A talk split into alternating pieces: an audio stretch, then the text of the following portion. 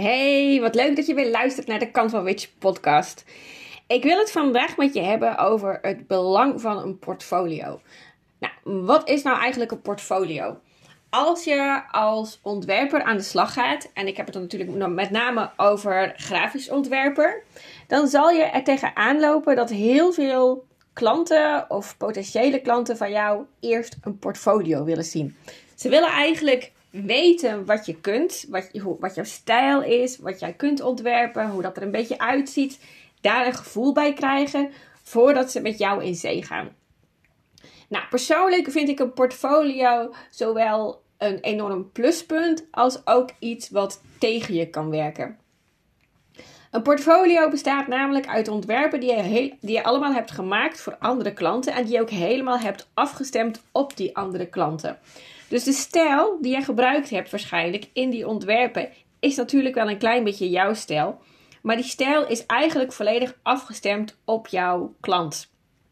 Dat betekent niet dat je eigenlijk geen andere stijl kunt toepassen in jouw ontwerpen. Je bent waarschijnlijk capabel genoeg om meerdere soorten ideeën, visuals uit te werken in verschillende soorten stijlen. Afhankelijk van wat de wensen van de klant zijn, waar de klant om vraagt, waar de doelgroep om vraagt.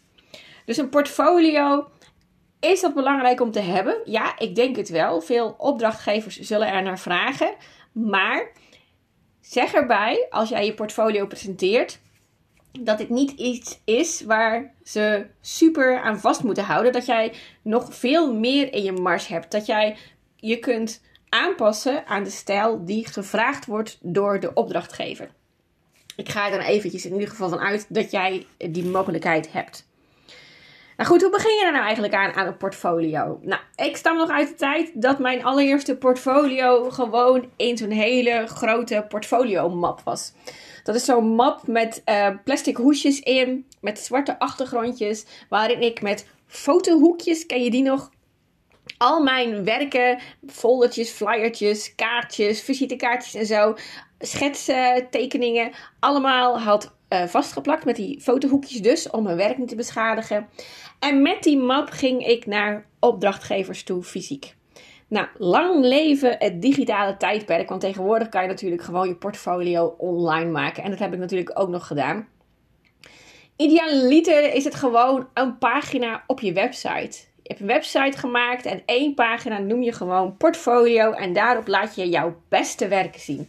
En laat niet alleen je werken zien, maar vertel er ook bij wat de opdracht was van de klant. Want alleen het werk op zich, dat zegt misschien nog niet eens uh, iets over jouw kunnen.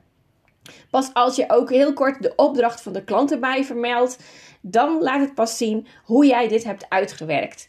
Soms is het ook interessant om het proces te laten zien. Hoe ben je tot dit ontwerp gekomen? En eventueel de schetsen erbij te tonen. Alles om aan jouw toekomstige opdrachtgevers te laten zien wat jij in je mars hebt natuurlijk. Nou, ik zei het al, je kunt een portfolio dus online maken op je eigen website. Je kunt natuurlijk ook een Canva schabloon gebruiken. Ik ben en blijf natuurlijk de Canva witch, dus ik blijf gewoon Canva promoten.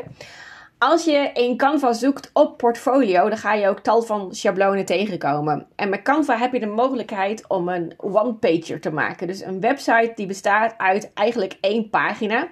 Ja, en die is in principe ideaal om bijvoorbeeld een portfolio op te presenteren. Die hoeft niet eens voor iedereen zichtbaar te zijn, hè, die pagina. Je kunt deze gewoon naar opdrachtgevers toesturen als ze daarom vragen. Deze eventueel ook nog beveiligen met een, een wachtwoord of een code, zodat niet iedereen die pagina kan bekijken. En dat kan gewoon allemaal via Canva. Ik kreeg laatst de vraag: ga je in zo'n portfolio alleen maar statische ontwerpen plaatsen of kan je er ook video in tonen? In principe kan je er natuurlijk in zetten wat jij wilt. Waar wil jij bekend om staan? Waar wil jij meer opdrachten voor krijgen? Wat vind je leuk om te doen? Ja, die dingen ga je natuurlijk opnemen in je portfolio. Kijk, stel je um, specialiseert jezelf in trouwkaarten ontwerpen, maar je maakt ook af en toe een visitekaartje. Ja, dan ga je dat visitekaartje natuurlijk niet opnemen in je portfolio, maar je portfolio bestaat uit die trouwkaarten, want daar wil je natuurlijk meer opdrachten van binnenhalen. Dus stem je portfolio ook af op je doelgroep, op de ideale klant die jij in je gedachten hebt. Dus inderdaad, daar kan ook video tussen zitten. Als jij het leuk vindt om video's te ontwerpen of om geanimeerde visuals voor social media bijvoorbeeld te designen, Neem dit gerust op in je portfolio. Houd er bij een portfolio ook rekening mee dat het soms interessant is om een ontwerp niet plat te presenteren, maar om er een mock-up van te maken. Nou, een mock-up is um, je ontwerp presenteren alsof het in gebruik is. Dus heb jij een, een plat logo ontworpen, dan is het misschien interessant om dit zo te presenteren dat het lijkt alsof het aan de gevel van een winkel hangt. Of dat het, alsof het al op een, een kaartje gedrukt is. Ook in Canva zitten daarvoor talloze mogelijkheden. Als je zoekt op Smart Mockups, dat is een app binnen Canva, kan je van jouw designs mockups maken. Dat maakt het veel aantrekkelijker om je ontwerp te presenteren. Het ziet eruit alsof het echt in gebruik is, alsof het bijvoorbeeld gedrukt is. Denk ook aan bijvoorbeeld een e-book wat je op een mooie manier wil presenteren. Je kan dat gewoon plat laten zien, maar je kan het ook laten zien alsof het een echt magazine is bijvoorbeeld. Veel aantrekkelijker om naar te kijken en veel leuker om het op die manier op te nemen in je portfolio. Dus ja, als je met je portfolio aan de slag wil, ga gewoon een keer kijken inderdaad bij de Canva schablonen. Er staat genoeg inspiratie tussen, dat weet ik zeker.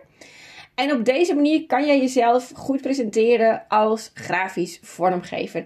Ik wens je heel veel succes en ik ben natuurlijk super nieuwsgierig naar de portfolio die jij gaat maken. Je mag me altijd een linkje sturen. Nou, vind je dit nou een leuke podcast? Laat me dat zeker eventjes weten. Tag me op uh, social media. Vind ik echt super als je deze aan het luisteren bent.